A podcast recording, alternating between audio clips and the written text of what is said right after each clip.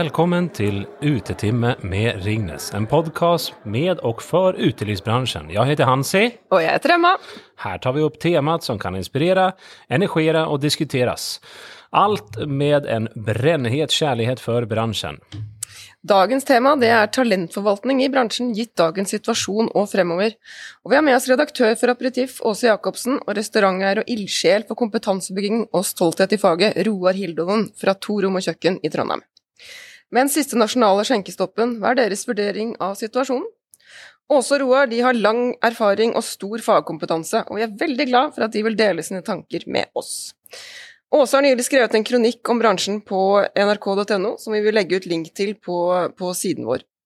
Vi er jo så heldige at vi har en ekstra god relasjon til Roar gjennom hans engasjement i Esedals pub og kjøkken, vår store stolthet i Trondheim, og han har også vært aktiv i debatten omkring skjenkestoppen. To særdeles godt kvalifiserte podkastgjester, med andre ord. I tillegg har vi med oss to fantastiske karer fra Trondheim og Bodø, regionsjef Ringnes Finn Olufsen og eier og driver av Dama di, Bent Lindahl. Han er dagens utelivsprofil, og jeg kan love deg at du har lyst til å høre hans historier. Hvem er så vi som sitter her og prater? Eh, det er mye jeg kunne fortalt om meg selv. Jeg har nok levd et litt annerledes liv enn de fleste, og i utelivssammenheng har jeg en ganske lang historie. Jeg har jobbet i barer og nattklubber i Norge og utlandet, vært hotellentreprenør i Brasil, og ikke minst jobbet elleve år i Ringnes Uteliv. Jeg har en brennende kjærlighet for bransjen og kommer nok til å møte mange av dere når vi endelig kan begynne å gå ut igjen. Det vet jeg at du også har, Hansi. Eh, og du har jammen hatt en lang og spennende reise i uteliv, du også? Tack, tack för det. Av isländskt upphav och med lång fartstid i Sverige som ni hör. 20 år i branschen på steder som Gamla Major och Hantverkarstuna. Öl och vinsommelier och med i styret till Norska Akeviters vänner. Så över middels intresserad av mat och dricka. Nu driver jag det här fantastiska stedet Ringnes Brygghus, ett lokalt vannhull till folk på Sagene och ett kunskapscenter för våra kunder. Så med oss her i dag har vi den store æren å ha med oss Åse Elisabeth Jacobsen, en bauta innenfor norsk mat og drikke. Journalist og skaper av avis og nettstedet aperitif.no. Pionær på nett, har jeg sett. Ert nettsted har faktisk ute siden 1996, så 25 år har ni vært der ute i luften. Så søker man inspiration innenfor mat og drikke, så er det aperitif.no. Det er virkelig stedet for deg og for meg. Det er tester, resesjoner, resept, nettkurs. Altså det er hva man ikke finner der. Så dette er virkelig et sted jeg anbefaler for alle. Har hatt æren å bli intervjuet av deg et par ganger, og man føler seg virkelig litt avkledd. Ehm, det, du skal virkelig inn på benet, så det kan man ikke lure. Så du er her eh, for at du har skrevet en kronikk, og vi undrer om du kan fortelle kort om budskapet i din eh, kronikk. Ja, takk for at jeg fikk komme. Eh, dette er noe som har brukt store, store deler av hjernen det siste året. Det har vært Jeg har til og med grått på vegne av bransjen, for jeg syns det har vært så utrolig urettferdig hvordan man eh, er blitt eh, satt til å skulle håndtere denne veldig vanskelige situasjonen.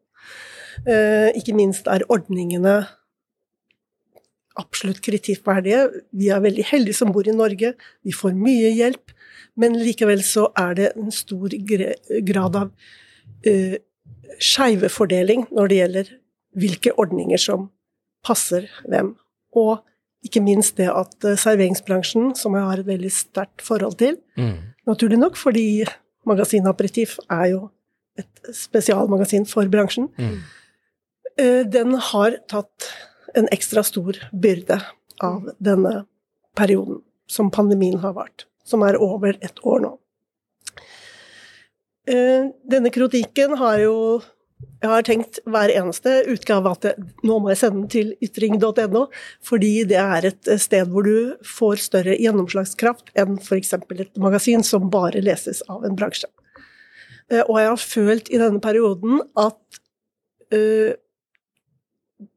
bransjen har egentlig ingen klare talspersoner, har ingen uh, gode kanaler for å få komme til uttrykk med sine meninger. Derfor så har heller ikke eh, myndighetene, eller regjeringen da, som lager disse ordningene, har ikke full kunnskap. De er glad i å gå ut og spise, det er jo alle. Men de, de kjenner ikke bakgrunnen. Hvordan disse ordningene rammer så skeivt og gjør at det blir ekstra vanskelig for serveringsbransjen å komme seg gjennom denne utfordrende perioden. Så da tenkte jeg at jeg må finne en måte å sette et, et, et, Altså bringe fram i lyset da, hvor skeivt dette har rammet, f.eks. da med disse avgiftene. Vi ser en gigantisk vekst på Vinmonopolet, som har da generert fem milliarder ekstra i inntekter rett i statskassa. Og når du legger på øl, så er det i tillegg da 1,5 milliarder. Det var det etter tolv måneder. Mm. Og det er jo fantastiske inntekter. Det er jo eh, inntekter som staten har fått fordi folk kan ikke reise. De kan ikke dra til Sverige og handle og de kan ikke handle taxfree. Mm. Eh, Vinmonopolet er jo selvfølgelig også veldig fornøyd med denne situasjonen. De har veldig mye å gjøre.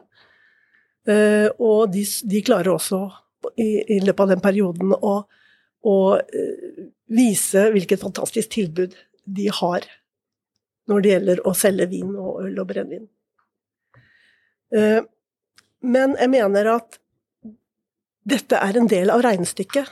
Så når du eh, legger det fram for noen i regjeringen, eller som representerer regjeringen, så blir du møtt med argumentet om at ja, vi har aldri brukt så mye som, som i år på å redde bedrifter. Vi har brukt 200 milliarder. Men det er faktisk bare 1,5 milliard som har vært brukt på serveringsbransjen for å redde dem. Mm. Og den rammer så ekstremt skeivt at det er på tide at man tenker nytt. Og hver gang Iselin Nybø åpner munnen, så sier hun det samme. Det er liksom et sånn gjentagende mantra om at vi har ordninger som treffer bredt, vi kan selvfølgelig ikke ta alle. Men jeg føler at disse ordningene, de, de, de har egentlig en uh, tanke i bakhuet, og det er at vi skal redde aksjonærene. Mm. Vi skal ikke redde sysselsettingen.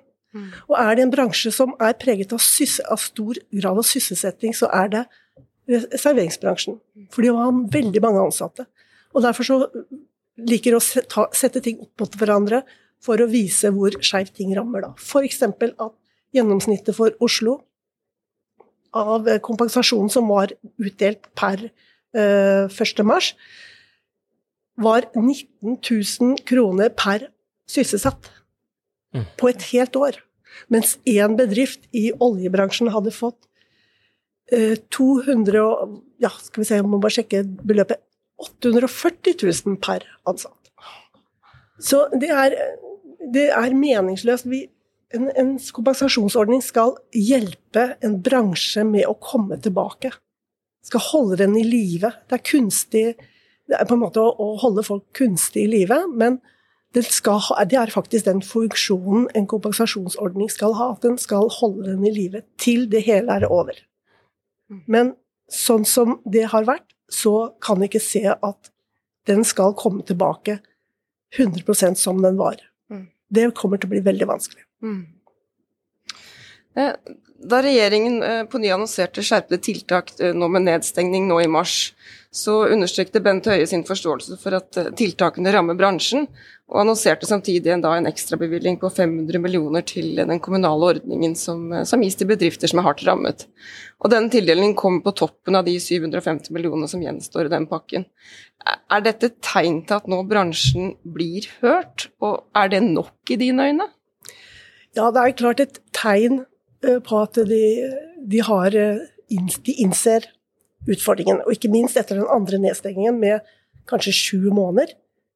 Eh, vi vet ennå ikke hvor lenge blir Oslo stengt, som jo er selvfølgelig en betydelig del av Serverings-Norge. Fortsatt er det helt i det blå.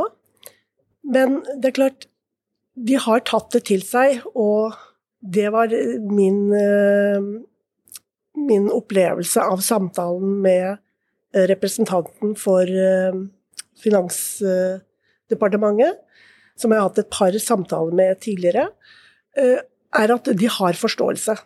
Men det sitter veldig langt inne å gjøre noe med det. Men disse to siste rundene med bevilgninger viser at det er noe på gang. Mm. Og så er jo spørsmålet er det nok. Fordi alle disse bedriftene som har på en måte skrudd av alle kranene i et helt år, det er utrolig mye som skal til å komme i gang igjen. Mm. Det er noen som skal tørke støv av hver eneste kvadratcentimeter. Altså det er så mange detaljer som skal på plass. Mm. Og det er jo eh, praktiske ting, men så er det jo alt det mentale. Man skal hente tilbake ansatte som har gått for lut og kaldt vann. Man må jo nesten kalle det når du går på dagpenger. Mm. Det er så vidt du klarer å, å dekke dine egne utgifter. Mm. Det å få folk tilbake i full jobb, det, det er ikke bare å, å, å si at ja, nå er vi klare igjen. Mm. Det er en, en prosess som trengs Det trengs uh, en ganske lang forberedelse på å komme i gang. Og så sier da uh, representanter for regjeringen at ja, vi har lønnstilskuddsordningen, og den er kjempefin. Den er absurd dårlig, etter min mening, Mm. fordi den dekker inntil 25 000.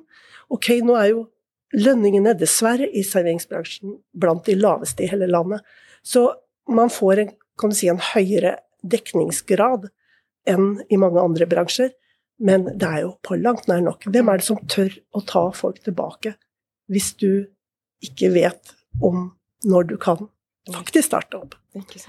Så det er veldig mange fine, mange fyndord, mange fine ord som man dekker seg bak, men når det kommer til praktisk eh, bedriftsøkonomi, så funker det bare ikke.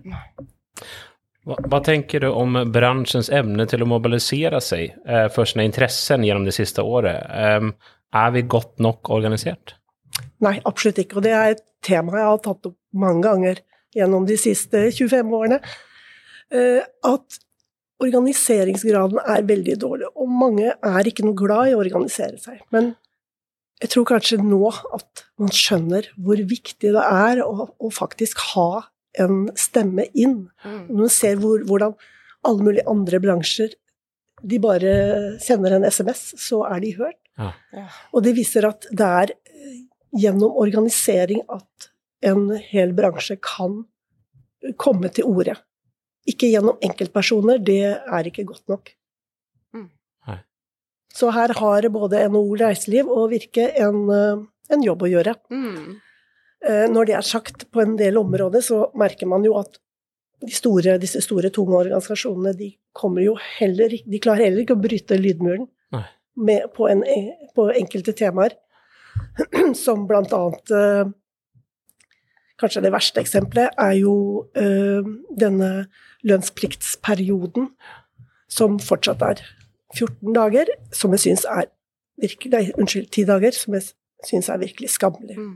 Og jeg har en, en, eh, eksempel fra uh, Aperitif AS, vi Mm. driver jo også med, med arrangementer, som du sa, så vi har jo en liten fot innenfor eventbransjen. Og uh, vi måtte dessverre permittere to av våre ansatte, men vi ønsket å beholde de i 30% Det er mange restauranter som også har gjort. De vil holde på sine ansatte, for de er så redd for at de skal forsvinne inn i dagligvare, Mm. som jo bare blomstrer om Mm. dagen. Mm. De er livredde for at de skal forsvinne over i helsevesenet, for der er det jo stort sug etter arbeidskraft.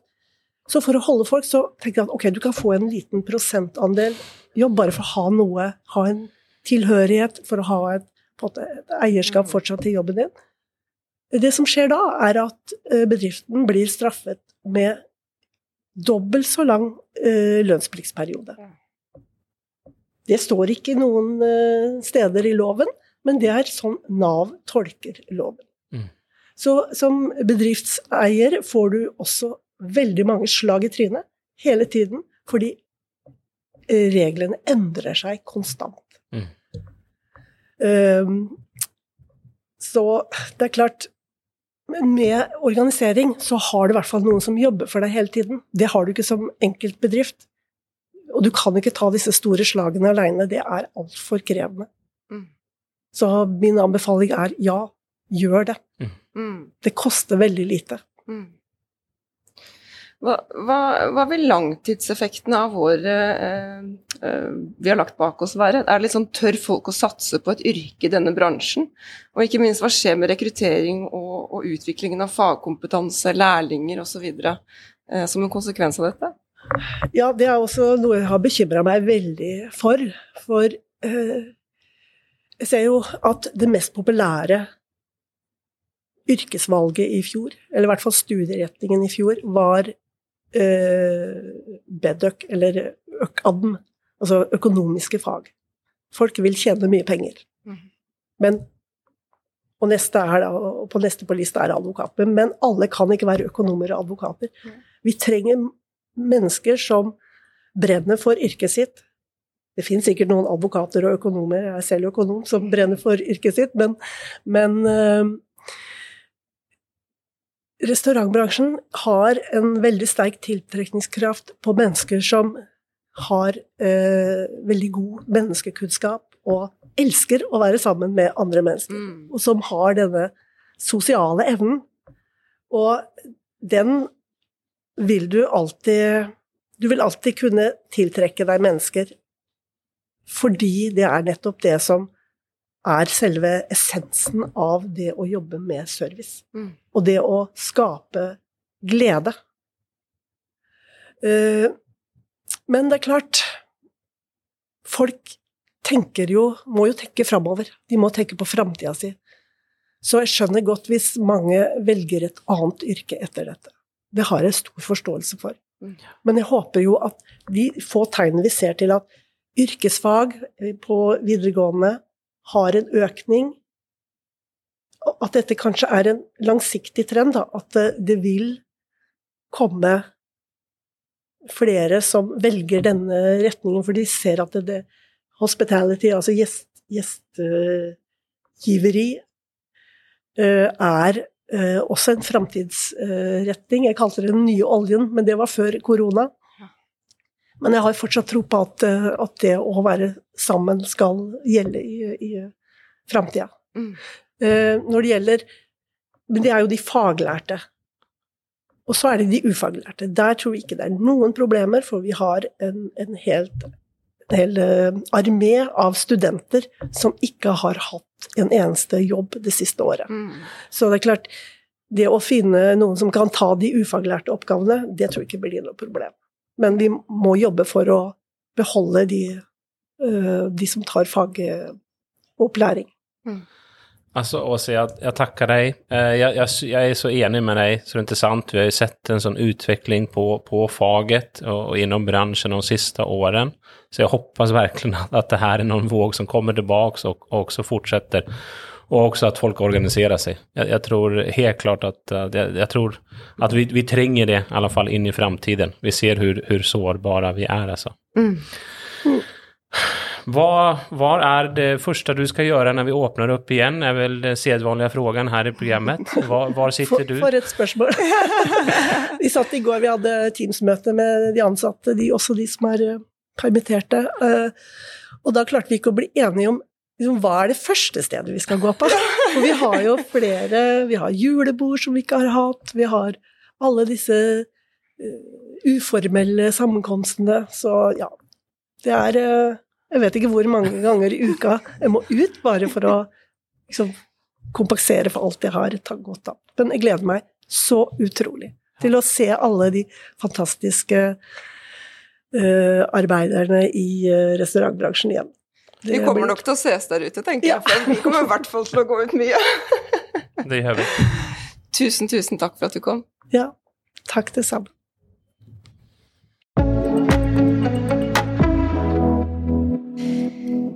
Lenge før eh, verdens matentusiaster oppdaget eh, Trondheims kulinariske kvalitet, så var Roar Hildonen en av byens stolteste forkjempere.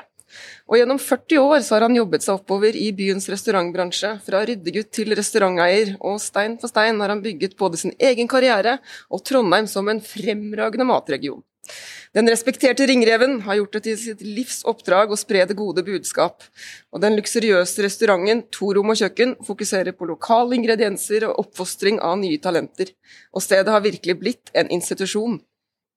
En ny generasjon med talentfulle kokker, servitører og vin- og ølkelnere, og til og med noen restauranteiere, har vokst frem fra trehuset. Det er nok ikke mange restauranter i Norge som har avlet like mange lærlinger. Stolthet av yrkesfag er veldig viktig, men likevel er det litt for lite av det. Og hver dag jobber Roar og teamet hans for å promotere nettopp det. Og Roar, hvordan står det til hos deg og i Trondheim? Jo, det er vel sånn uh, ellers i, uh, i restaurantbransjen. Uh, med meg personlig går det jo bra, men, men, med restauranten så er det jo stengt akkurat nå, dessverre, pga. Av, av skjenkestoppen. Mm. Men vi ser jo lys i tunnelen. etter Ernas presentasjon i Stortinget i går, så, så, vet vi i hvert fall litt mer om når vi kan håpe å, å åpne igjen, for det første. Og ikke minst uh, at vi sakte, men sikkert normaliserer seg. Så vi, vi ser jo frem til en, en tilnærmet normal tilstand tilstand etter hvert. Eh, kanskje i løpet av sommeren eller, eller eh, tidlig høsten. Mm. Åse Jacobsen skrev jo en kronikk eh, som ble publisert i Ytring. Eh, kan vi få dine tanker eh, om den? Ja, jeg syns Åse tar opp noen veldig viktige eh, poeng her. Eh, og det, det, er en veldig god artikkel og, og veldig eh, velfundert. Og bare hennes eh, eh, presentasjon av hva staten har tatt inn på økt alkoholavgift eh, gjennom salg på Vinmonopolet i, i dagligvare på vin og øl og, og brennevin, så, så, eh, så, så, viser det jo at staten har, har, selvfølgelig hatt mange utgifter i forbindelse med denne eh, pandemien, men de har også hatt en, eh, en, vesentlig inntektsøkning på en del områder. Og, mm.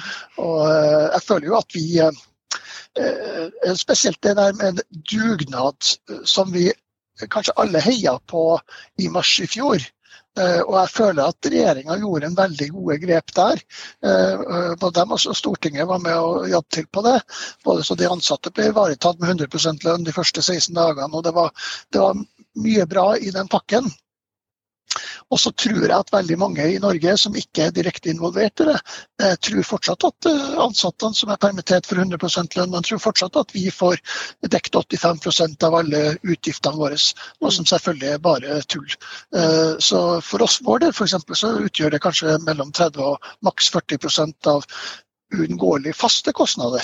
Mm. Eh, så, så hva, hva, myndighetene definerer som uunngåelig faste utgifter, og hva vi definerer som det, det er to forskjellige verdener, bl.a. Så, så eh, jeg føler jo at, eh, at det blir gjort mange grep fra, fra offentlig, eh, fra, fra regjeringa sin del og fra det offentlige, som har gjort at det har blitt mye vanskeligere etter hvert som det har dratt ut i tid. Eh, og Spesielt så syns jeg det er helt forferdelig at ikke de ansatte skal få 100 lønn når de er totalt uskyldige i det her. Eh, og har valgt seg et, et, en bransje, et fag, og, og, er stolt av det, og ikke skal bli verdsatt mens andre går på ski i lunsjpausen. Sånne ting syns jeg det ser ikke bra ut. og Veldig mange av våre ansatte er unge, har ikke enda kjøpt sin egen leilighet. De har ikke noen mulighet til å ringe banken og få uh, avdragsutsettelse og sånne ting. Mm. Uh, hvis gårdeieren ikke får pengene sine, så må de stå på gata. Uh, de har ingen verdistigning på sin bolig osv. Så, videre. så det blir et A- og et B-lag. og Det syns jeg, det, det, det synes jeg er veldig tungt å se på og oppleve. Ja, Absolutt. Og, og, når det gjelder fagkompetansen i utelivsbransjen, eh, hvordan har forvaltninga denne vært gjennom året som har gått, og, og hvordan vil det bli fremover, tror du? Ja, jeg syns at myndighetene der skulle vært veldig tydelige på at eh, lærlinger skal ikke permitteres og at eh, deres eh, på en måte eh, hva skal jeg si, Du har en, du har en, en lærlingeransvarlig i en bedrift. Til enhver tid så skriver du en kontrakt med fylkeskommunen om det. og da, Den personen og lærlingene burde fått øh, altså lønnsstøtte, slik at de kunne fortsatt å terpe på og trene på. Og de går jo egentlig på skole.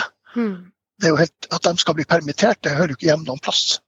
Eh, du, du, gjør jo ikke det på Du fortsetter undervisninga på, på, videregående eller på universitet, mm. selv om du ikke kan møte opp på selve plassen.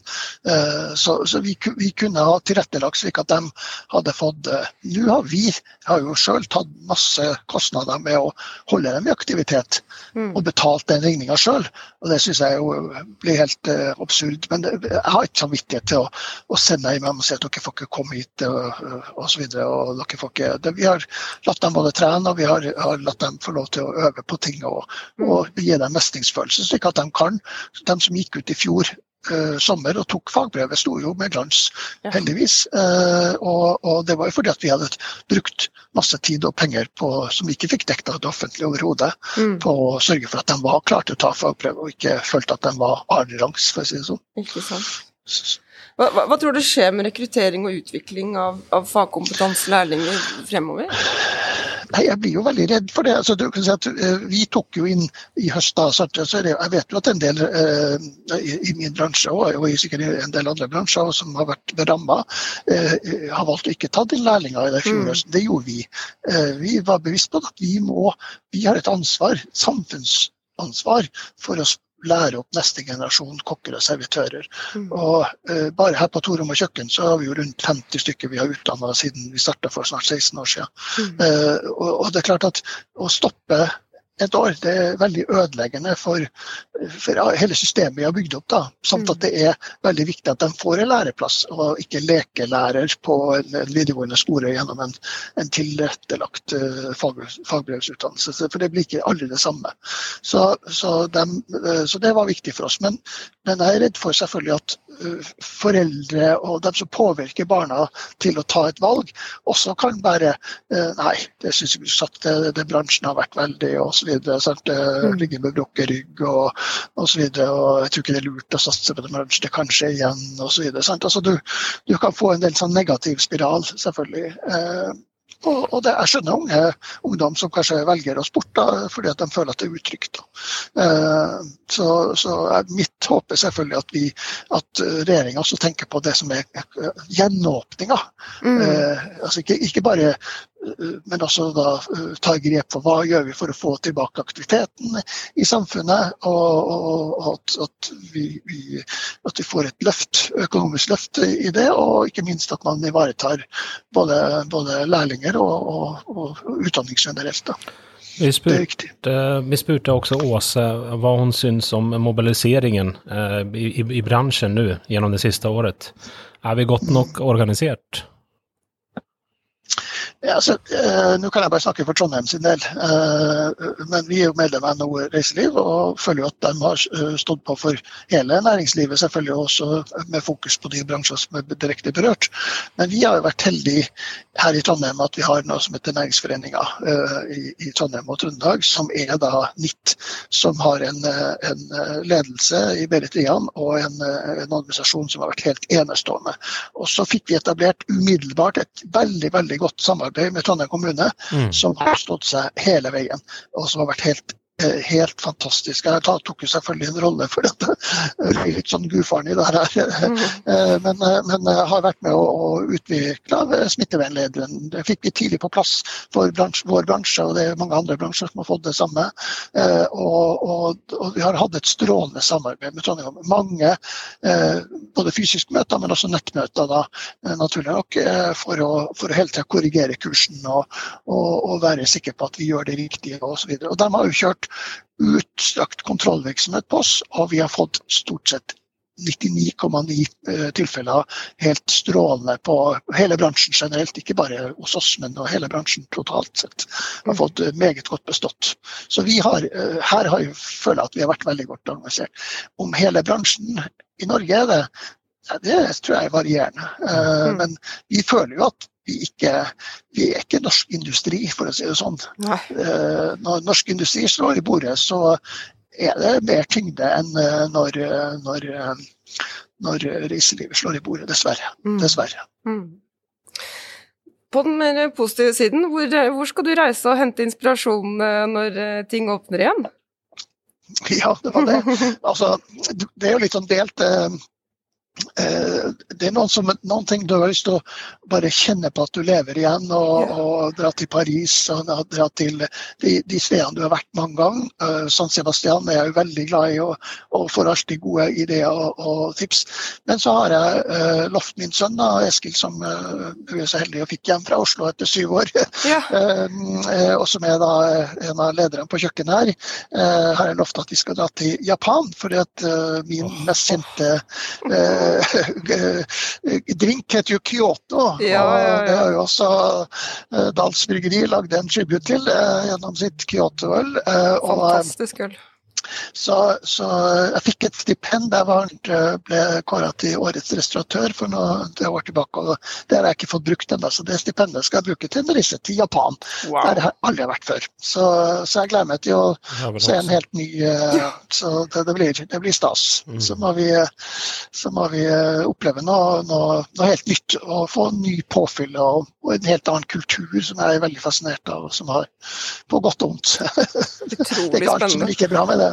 Ja, jag, jag, jag, jag suckar alltså, Men det blir nog inte Japan for meg. Men jeg gleder meg stort til å komme opp til Trondheim igjen. Til, till, til, till å igen möta Trondheims største gentleman. Eh, slash gudfader her, alltså. Så jeg vil si stort takk for din tid, alltså. Tusen, tusen takk, Roar. Og, og, lykke til. Vi gleder oss til å komme opp. Og så kan det hende jeg sniker meg inn i bagasjen til, uh, på Japan-turen, altså. Dere er begge to hjertelig velkommen. den skal ikke vite, og alle andre for den saks skyld som hører på. Tusen takk. Hei da. Hei. Hei.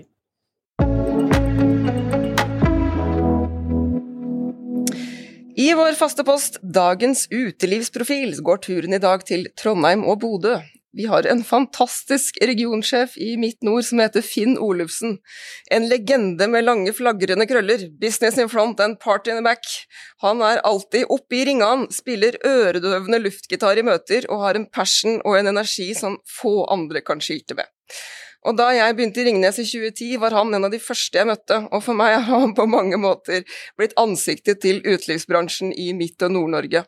Så det var jo helt naturlig da å be Finn om å ta en prat med en av sine kjære kunder, og han var som vanlig ikke vond å be. Så Finn, vi, vi ba deg om å finne dagens utelivsprofil, og hvorfor valgte du Bent Lindahl? Jo, eh, det er litt den samme beskrivelse som du har eh, fortalt nå.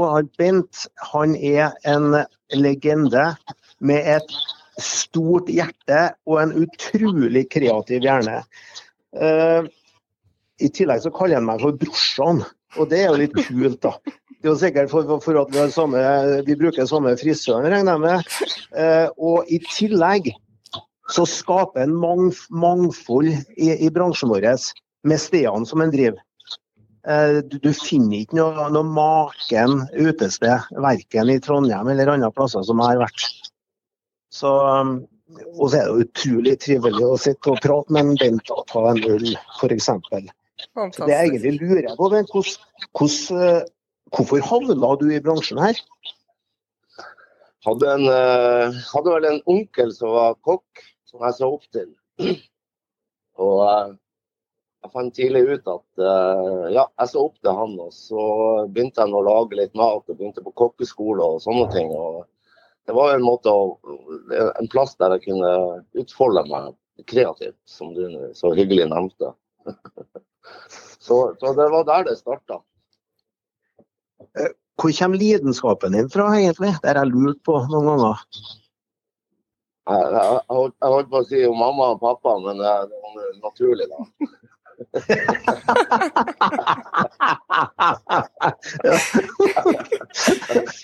Så du, det, det, vet jeg egentlig ikke hvor den kommer fra. Jeg tror at det er en eh, slags skapende sjel. Så det, kommer vel fra en plass.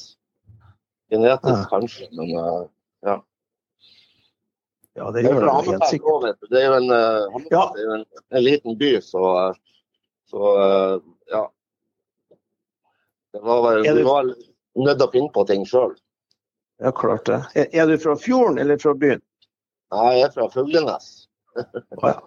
jeg, jeg, kom, jeg, kom, til Bodø da jeg var elleve år. det er sagt. Så, OK. Ja, da, er du, da er du plassert på, i rette byen. Du, kan ikke du beskrive dama di? Ja, det blir som å beskrive kjæresten sin. Det er ikke lett. I hvert fall ikke på, på lufta. Uh, Dama di ble jo starta for uh, i 2010, etter jeg var gått gjennom en uh, skilsmisse og flytta til en kompis. og Jeg bodde hos han, og så brant huset ned etter noen uker. og Så hadde han ikke forsikring eller noe. Da sto jeg på ekstremt bar bakke. Så da var det jo finne ut hva man gjør da. Og da tenkte jeg da skal vi lage ei dame som aldri blir gå ifra meg, i hvert fall. Så jeg skal nå lage ei dame som, som, jeg kan gå ifra. Men nå har vi vært i lag i ti år, da, så. Ja, det er jo fantastisk. Og det er jo en fantastisk plass. Jeg, vil bare anbefale alle som skal til Bodø, å besøke dama di. For det, det er bare en, en fantastisk eh, plass. Men dama er jo laga av det er jo ikke bare meg. Dama er jo laga av, av, veldig mange. Så det ble en slags uh, kulturell møteplass, en slags pub om du vil, som, som mangla i Bodø på den tida. der ja, kunstnere, kreative mennesker, om du jobba som journalist eller reklamebyrå eller var musiker eller var kunstner, som måtte også bidro til til å, bygge plassen og har vært en del av innholdet i, i alle år. og Det har vært eh, aller viktigste for oss har jo vært innholdet og de menneskene vi, vi, vi jobber med. og Vi jobber med mange, og vi jobber på kryss og tvers av alle grenser og, og linjer og opp og ned og til sida. Så, så det, det, er nok mange, det er mange innenfor den sektoren i Bodø som har bidratt til dama at hun er der hun er i dag. Ja. Så, og, og, det er klart at uh, du og, og, dere har jo vært gjennom uh, et tøft år. Uh, hva er det som har endra seg for, for deg og, og, det du driver med siste året nå? Nei, jeg er vel som de fleste andre. Det var jo eh, litt uh, Første nedstenging, så, så, så brøyt vi bare på. Så pussa vi opp og flytta bare alt og bare tenkte det her går over. Så tenkte vi skulle være klar til gjenåpning, og det var vi for så vidt også. Og så var det jo det var, Jeg må innrømme at det var litt verre når andre runde og andre nedstenging kom. Så det er vel kanskje summen av det er jo at eh, jeg blir enda mer glad i dama mi. Fordi at eh, vi, vi, virkelig ser hva vi, hva, hva vi, hadde og hva vi har. Og, og at det er et savn, også, også for oss som, som, jobber mye med det. Men eh, vi har prøvd å være litt kreative med runden her òg, da. Så for å holde oss mentalt friske, holdt jeg si. Og det nytter ikke bare å sette seg ned og si stakkars oss. Det har jeg òg funnet ut. Så det er bare å bryte på, som vi sier der oppe. Men jeg ser jo at du har satt i gang et eh, helt spesielt eh, prosjekt nå. da. Altså, eh, du auksjonerer f.eks.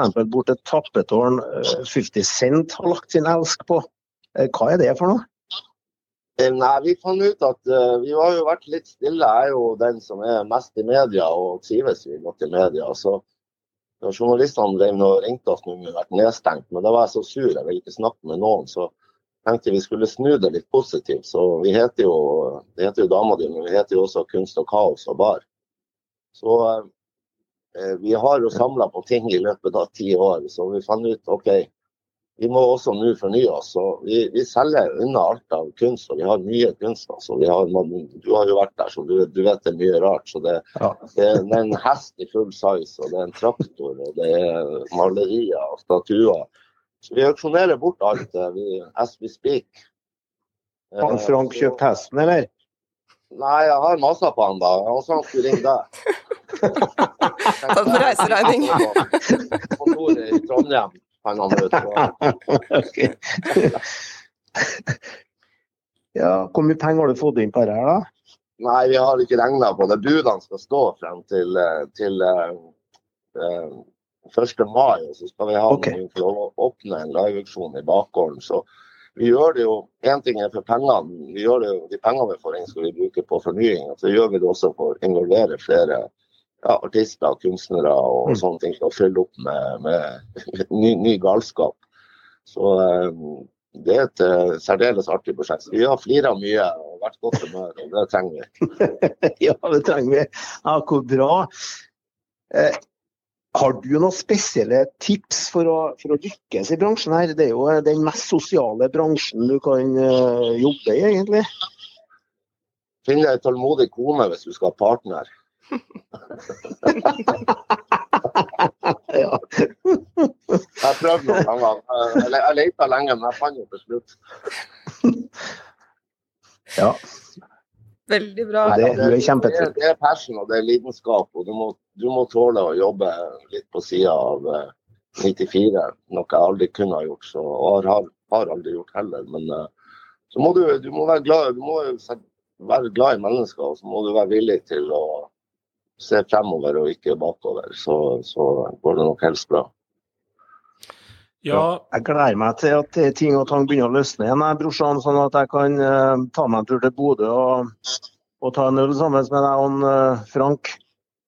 Ja, det, det gleder jeg meg til. Jeg òg. Veldig, veldig mye. Jeg har jo vært så heldig å vært og besøkt deg. og Jeg hørte om de nevnte noen luftgitarer og ting og tang. ja, ja. Så jeg har jo vært i Trondheim, så hun har nok helt korrekt. Det var jo ikke noe mindre enn middag med vokalisten i Iron Maiden inviterte meg på. Så, eh, så det du står for eh, Du har ordene i behold når du sier det. Ja. Det er litt av noe historie her ni grabbar verkar ha og jeg vil jo virkelig besøke Dama mi, Dama Di, Dama Hans, Dama Dans. Eh, når jeg kommer neste gang og hoppas at hesten er kvar. Jeg vil jo også legge til at Frank er din kontaktperson der, der oppe i nord, for alle som ikke visste det sen innan. Eh, ja, jeg, det, det vi skal avsluta med den sista frågan og det er jo hva gjør du når det åpner opp igjen? Var finner vi deg, altså når, når, allting har åpnet opp? Så at vi åpner litt, avslutar litt på den lysare sidan. side? Hvor du finner meg? Du finner meg på, du finner meg på dama di, helt sikkert. Og det er mulig og, det, og det er mulig, enten så kan han stå i baren, eller så kan han stå i døra. Så jeg er jo også gammel DJ, så jeg gjør egentlig litt, litt av hvert. Det kan hende du finner meg og vasker toalett òg. Det, det er noe med namnet dama di som kan komme ut så fel og så rett samtidig. Alltså.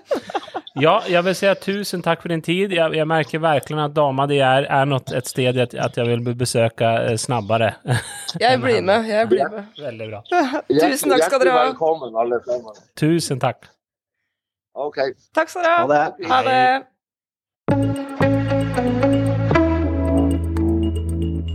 Vi har jo hatt eh, noen eh, veldig spennende gjester her i dag, Hansi. Spennende tema. Hva er dine inntrykk?